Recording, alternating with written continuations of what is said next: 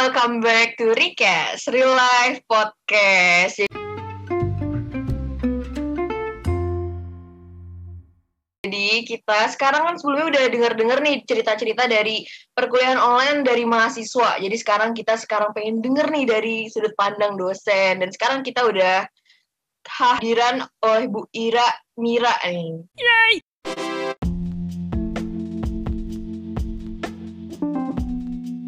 Kalian pernah gak sih ngeliat ibu ini di FYP TikTok kalian? Pasti pernah lah ya, keren banget. Ibu Ira, silakan perkenalkan diri dulu dong, Bu. Hai, halo semuanya. Kenalin aku Ira. Nama lengkapnya tuh Ira Mirawati. Watinya suka nggak ditulis biar keren Ira Mira. uh, dosen manajemen komunikasi Vkom Unpad oh. ya.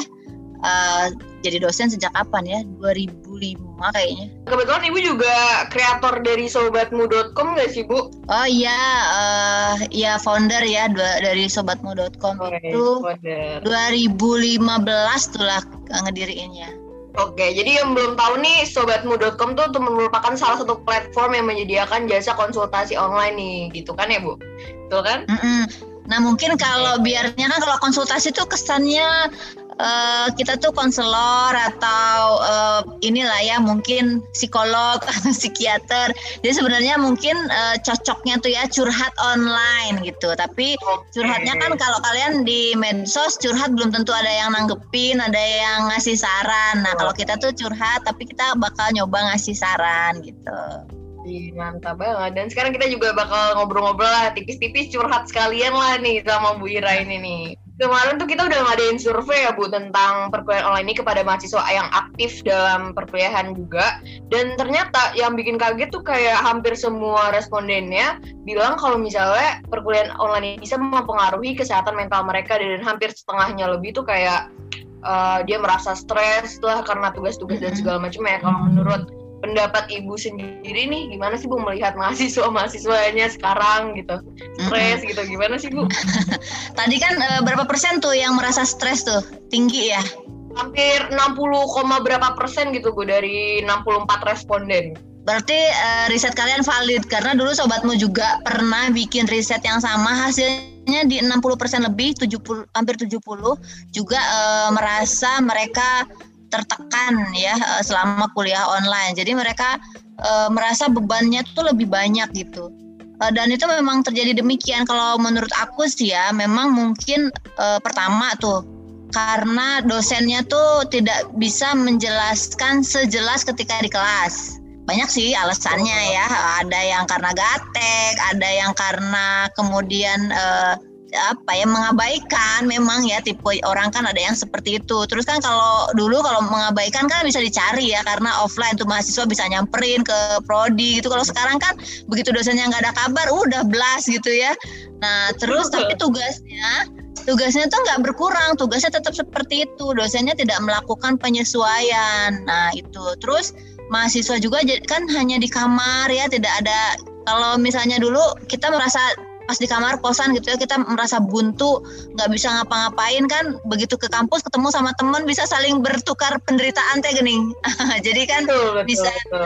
saling apa ya melepaskan ketegangan nah sekarang kan sama pandemi itu nggak bisa emang bener tuh riset kalian jadi memang banyak yang mengaku lebih tertekan selama pandemi ini Betul. Tadi kan udah dijelasin nih kayak penyebabnya apa sih. Terus kayak uh, gimana sih Bu kayak respon kita misalnya ada temen nih yang curhat kayak dia stres terus atau mungkin dari dosennya sendiri gimana sih respon yang baik gitu untuk menangani orang-orang yang kayak gini gitu yang merasa stres berlebihan dan segala macamnya.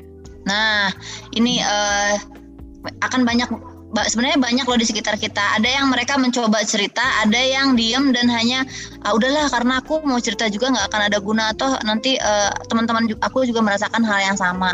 Nah kalau kalian mendapati ada teman yang berusaha cerita, sebenarnya kita tuh nggak harus ngasih solusi loh. Jadi cukup pertama tuh jadi pendengar dulu aja.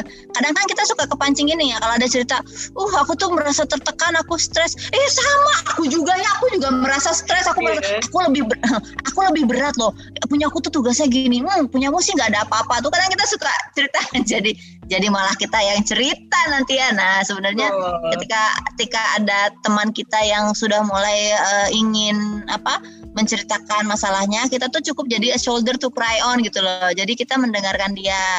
Kecuali nanti dia bilang kalau lu gimana? Nah boleh. Sebenarnya aku juga sama sama beratnya. Jadi uh, baru tuh kita cerita untuk menyem, apa, mengimbangi dia untuk kadang kan kita gitu ya kalau lagi menderita kalau merasa ada orang lain juga sama menderitanya sama kita wah oke okay, asik gitu ya. Nah asalnya tadi kita kita jadi jangan menganggap lo tuh nggak ada apa-apa penderitaannya. Penderitaan gue tuh lebih parah lagi kok. Jadi kan nanti akan membuat dia oh ya udah harusnya aku nggak usah cerita. Nah itu yang harus kita hindari adalah gimana supaya mereka itu nggak merasa uh, ah gue nggak perlu cerita gitu ya. Itu kadang-kadang yang dirasakan. Nah kalau ke dosen nih ini juga ya wah keluhannya bener-bener loh. Selama aku bikin konten TikTok itu kemudian aku malah ngerasanya ini harusnya ya lewat juga nih di FYP dosen-dosen gitu ya. Betul betul.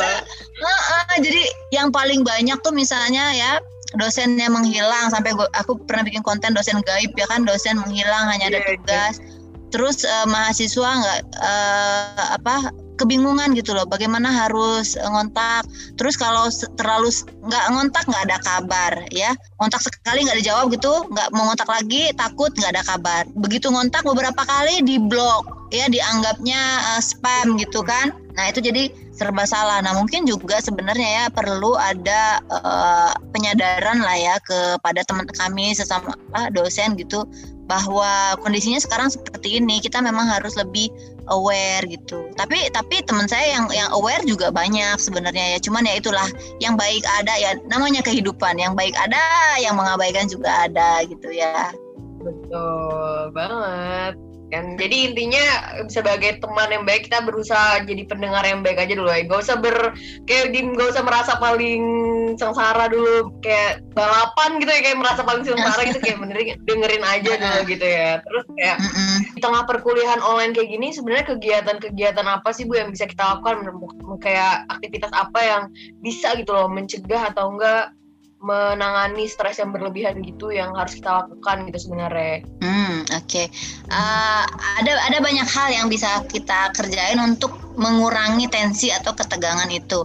Yang pertama itu adalah uh, ini kan kita biasanya banyaknya tuh ya uh, kalian tuh di kamar terus, di kamar terus, terus lupa atau merasa nggak perlu mengabari orang tua bahwa kalian di kamar itu ada yang dikerjain Nah itu penting banget loh. Jadi kalian tuh harus ngomong ke orang tua. Misalnya nggak apa-apa progres, progres aja tuh per hari. Bu aku di kamar ya. Aku di kamar hari ini ada kuliah dua. Terus aku ada tugas gitu. Tapi kalau ibu ada perlu panggil aja gitu misalnya. Itu tuh karena kita nggak ngomong ke orang tua. Walhasil nih banyak banget yang curhat. Bu aku tuh dianggapnya uh, apa di rumah tuh hanya sebagai beban. Misalnya orang tua mereka tuh bilang Uh, ngapain kamu di kamar aja? Dari tadi nggak ada kerjaan di kamar pegang HP terus gitu ya. Padahal bu aku tuh pegang HP ngerjain tugas. Nah itu harus dibilang. Terus uh, dikomunikasikan aja. Misalnya nih yang laki-laki nih ya ini beberapa kasus loh ini. Yang laki-laki uh, bu uh, karena yang di rumah tuh banyaknya ibu ya bilang sama ibu bu aku hari ini ada zoom yang nggak bisa ditinggalin karena banyak loh lagi zoom disuruh beli galon beli gas gitu ya. Begitu dipanggil sama dosennya nggak ada dianggap nggak hadir. Itu ada yang sampai buntutnya panjang karena dosennya nggak mau menerima alasan itu ya kan? Oh Nah itu jadi jadi pertama komunikasi dengan keluarga tetap harus dijalin. Jadi pagi-pagi kalau kalian bangun e, sesudah melakukan kegiatan di kamar turun dulu menyapa ibu yang pasti lagi nyuci piring atau masak ya. Eh, nggak usah bantu-bantu loh bahkan cuma minum aja atau minum susu di samping ibu ngobrol gitu ya. Terus pas mau masuk jam kuliah masuk ke kamar tadi ya kan karena kalian biasanya senang ditutup pintu ya kalau dibuka tuh suka merasa privasi terganggu. Nah oh. jadi tapi udah ngobrol dulu sama orang tua. Nah yang kedua nih ringan banget tapi harus kalian lakukan tiap hari. Bersihin kamar. Beneran itu tuh uh, kamar yang rapi tuh bisa jadi mood booster banget ya. Sebaliknya kamar yang berantakan itu kayak bikin dunia kalian tuh kacau gitu rasanya. Percaya deh jadi rapikan kamar. Terus yang ketiga jangan lupa olahraga ringan. Ah olahraga tuh nggak susah-susah amat sih joget-joget atau apa pun. Jadi kan yang kerja tuh otak kalian ya kan? Otak kalian tuh nggak berhenti kerja dari pagi sampai sore sampai malam itu nggak berhenti. Sampai otak kalian nggak bisa lagi membedakan di mana gue harus istirahat di mana gue harus ngerjain tugas gitu. Kalau dulu kan ketahuan ya oke okay, gue kuliah saatnya aku berpikir gitu kan. Nanti ke kosan aku bisa santai sejenak. Kalau sekarang kan udah nggak bisa kita tentukan lagi nih mana waktunya belajar mana waktunya santai gitu ya. Jadi kalian harus memberikan hak kepada tubuh. Jadi biar apa bergerak bahkan sambil ngetik juga bergerak gitu ya uh, joget kayak vibing ya apa nyetel vibing. musik yang kita sukai ya uh, oke okay, uh, mandi jangan lupa. Mandi tuh ngaruh banget ya. Uh, buka jendela kamar terus jalan-jalan sebentar di luar. Itu ya beberapa cara yang bisa dilakukan uh, untuk kita mengurangi tekanan yang ada di dalam otak kita gitu. Betul banget. Sebenarnya kayak kegiatan-kegiatan gini yang sebenarnya berguna banget tapi sering dilupakan ya Bu sebenarnya disepelekan gitu sama teman-teman nah gitu. Padahal tuh berfungsi banget guys berguna banget. Jadi coba kita coba mulai dari sekarang mungkin ya biar nggak stres gitu. Kan tadi udah juga bahas sedikit tentang orang tua nih bu. Kalau menurut ibu sebagai kayak e, dari sudut pandang orang tuanya juga atau mungkin anak ibu juga lagi kuliah juga sekarang atau lagi kuliah online itu kayak uh, masih banyak nggak sih bu ternyata orang tua yang kurang aware gitu tentang kesehatan mental anaknya gitu yang terlalu memaksakan ini itu dan segala macamnya itu apa sih bu yang harus kita lakukan gitu atau mungkin orang-orang yang harus orang tua orang tua lakukan luar sana gitu Oke, okay. nah ini juga satu masalah uh, sebenarnya uh, kemarin curhatan ke sobatmu itu selama pandemi yang tentang suicide ideation tuh berkurang. Alhamdulillah ya. Mungkin karena ada di keluarga ya kan? Ada di uh, lingkungan terdekat. Tapi uh, tingkat kecemasan rasa tertekan selama di rumah itu ada ada yang baru lagi. Kalau dulu selama belum pandemi ini kita nggak kita dapati. Sekarang selama masa pandemi ini banyak. Untuk keluarga yang ayah ibunya punya konflik. Gitu ini belum broken home ya. Kalau broken home arti eh maksudnya kalau sudah divorce kan udah tuh beda rumah ya. Ini nih dalam masa-masa genting gitu loh. Jadi ada konflik antara ayah dan ibunya. Nah, ini permasalahan yang dihadapi oleh mahasiswa selama masa pandemi ini karena biasanya mereka bisa menghindar di kosan. Jadi nggak denger-denger tuh ayah ibunya bertengkar tiap hari ya. Uh, selama di rumah tuh nah mengalami itu juga bikin tertekan beberapa tuh bahkan uh, gimana uh, Pak manggilnya kan kakak ya kalau di sobat muka gimana ya caranya supaya aku diizinin ngekos aja lagi aku nggak kuat di rumah. Ini tuh tiap hari udah bikin depresi banget bagaimana ayah dan ibu aku tuh bertengkar gitu. Atau yang satu lagi muncul itu adalah uh, membanding-bandingkan. Nah ini juga kerasa banget selama di rumah ya. Jadi gimana orang tua mereka itu lebih memperhatikan uh, kakaknya atau adiknya. Terus membandingkan tuh dia sih eh, bantu-bantu atau uh, kok dia nggak seperti kamu gitu. Padahal kan misalnya beda ya apa yang kebutuhan kerja apa uh, tugas kuliahnya juga udah beda. Tapi itu apa membandingkan tuh kerasa banget. Nah ini permasalahan yang baru yang dihadapi berkaitan dengan keluarga. Memang sih ada yang berhasil tuh e, disaranin kan biasanya aku kasih saran, coba ngobrol. Tapi kayak tadi tuh loh, coba ngobrol sama ibunya, bilang kalau kamu tuh banyak kerjaan ini mohon tidak diganggu atau coba bilang sama ayah ibunya. kadang tuh gini ya, e, ayah aku punya selingkuhan. Bukan hanya ayah, ada yang ibunya juga. Aduh ya macam-macam tuh ya. Kasihan sih ya gitu ya ngobrol baik-baik gimana caranya supaya mengurangi bertengkarnya di depan anak-anak. Ada yang berhasil, ada yang Uh, enggak bu malah aku dimarahin. Jadi pada pengen pulang ke kosan. Itu banyak ya yang ingin pulang ke kosan. Itu sangat banyak. Maksudnya yang curhatnya ya bukan dari keseluruhan. Yang dari yang curhat ke sobatmu persentasenya itu banyak gitu. Uh, itu ya. Jadi tapi ya tadi nggak semua orang tua tuh kemudian bisa jadi kan gini ya. Ketika anak lahir itu kita anak itu belajar belajar sampai dia menjadi dewasa belajar maka apa segala macam. Tapi orang tua juga sebenarnya belajar belajar menjadi orang tua yang baik. Dan tidak semua lulus dalam proses belajar itu gitu ya. Jadi harus diakui itu. Jadi ada yang nggak berhasil. Ada yang berhasil. Ibu aku udah nangis nangisan sama ibu aku. Dan ibu aku udah paham bahwa aku tuh tertekan banget selama ngerjain skripsi dan lain-lain di, di apa di WFH ini gitu ya ada yang berhasil seperti itu ibunya ngerti dan lain ada yang nggak berhasil juga ada jadi jadi ya eh orang tua juga harus diberikan pemahaman gitu belajar. Yang orang tua nih, udah kan udah bahas tentang orang tua dan kita balik lagi ke perkuliahan online gini. Menurut ibu sendiri kalau perkuliahan online gini tuh efektif atau enggak sih bu? Atau bagaimana cara kita untuk beradaptasi di kondisi yang seperti ini tuh gitu?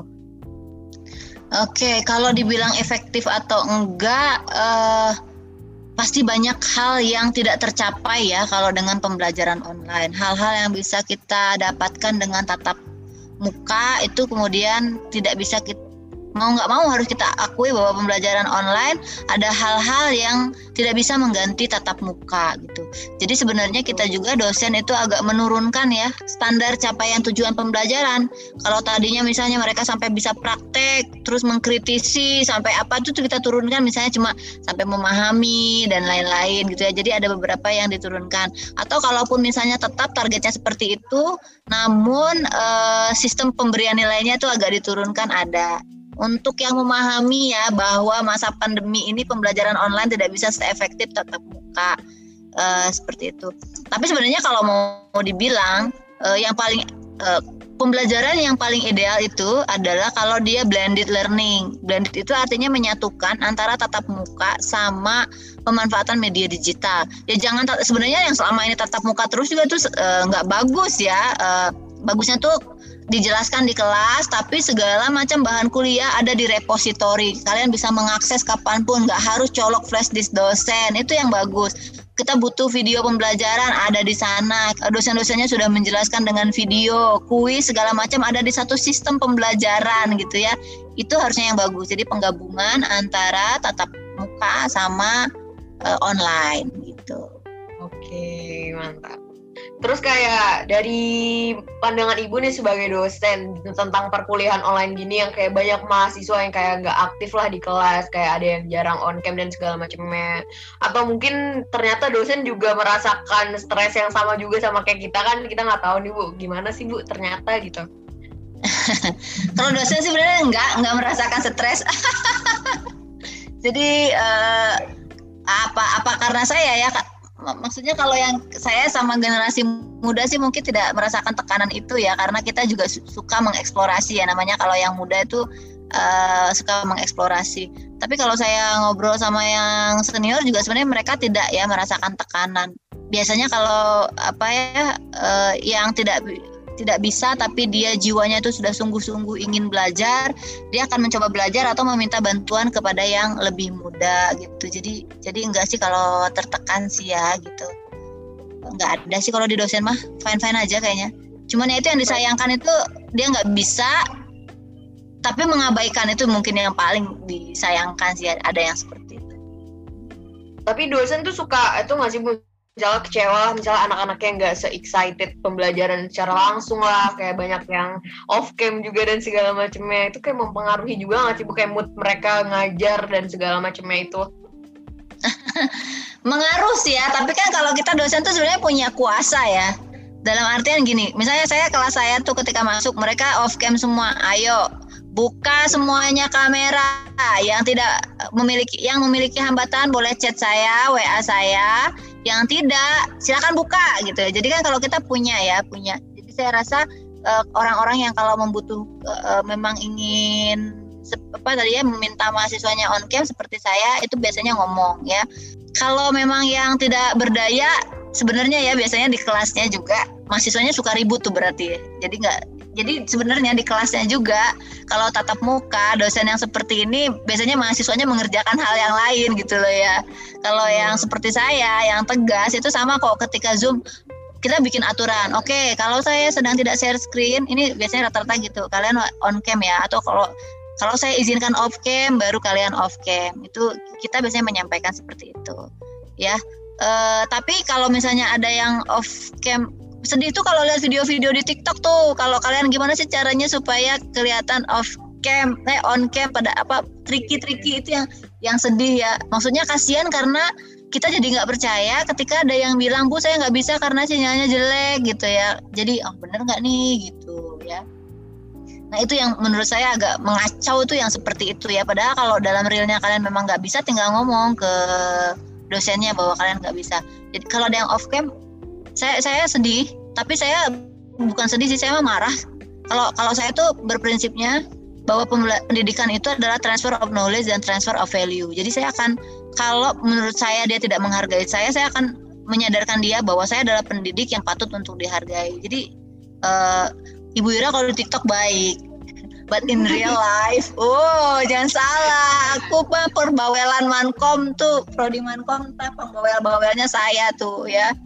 Kalau ada yang menurut saya harus diperbaiki sikap mahasiswa, saya nggak akan segan kok bicara. Tapi ya tadi ya kalau ini masalah pendidikan bukan hubungan personal jadi jadi tenang aja sih kalau mahasiswa kalau dosen uh, yang benar itu ketika dia ngomel atau marah itu nggak akan masuk ke hati mereka. Jadi hanya mengingatkan kalian di saat itu saja gitu ya ya kalau sedih itu ngelihat orang yang lain yang cerita bapak saya dosen terus mahasiswanya off cam aduh greget saya teh pengen marahin karena saya kalau misalnya ada yang off cam saya gitu Oke, okay, saya akan bertanya ke yang off cam. Wah, langsung nyalain kamera semuanya kan, nah, gitu ya. Jadi jangan kalah-kalah kalau sama mahasiswa gitu ya.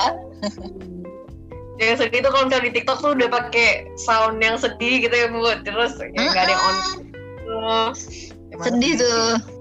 Terus kayak sekarang kan kita melihat nih di media di berbagai media tuh kayak banyak banget sekarang semakin banyak orang yang terbuka juga tentang kayak kesehatan mental mereka dan segala macamnya gitu. Kayak gimana sih bu kalau misalnya cara sebaiknya sebaiknya tuh kita tuh bolehlah bebas ngeposting segala macam tentang kayak gitu di sosial media kah? Atau mungkin langsung mencari profesionalnya aja kah? Dan segala macamnya itu bu. Gimana sih cek kayak tahapan-tahapannya kita untuk me, apa namanya menemukan solusi dari permasalahan mental ini gitu Oke, okay. uh, eh, memang kesehatan mental itu menjadi concern kita bersama sekarang ya, dan saya bahagia banget uh, itu menjadi perhatian. Termasuk misalnya di berbagai universitas, Unpad lah ya, contohnya di BEM-nya tuh udah ada pacar Unpad ya, pajajaran care. Kita juga BEM punya advokasi ya, yang memang kita concern sama uh, permasalahan mental. Karena biasanya kita nggak bisa melihat orang tuh terlihat senyum-senyum aja, terlihat bahagia, tapi uh, apa di dalamnya menangis gitu. Atau memang ada yang terlihat ya jadi di kelas menyendiri dan lain-lain itu juga harus kita perhatikan sebenarnya.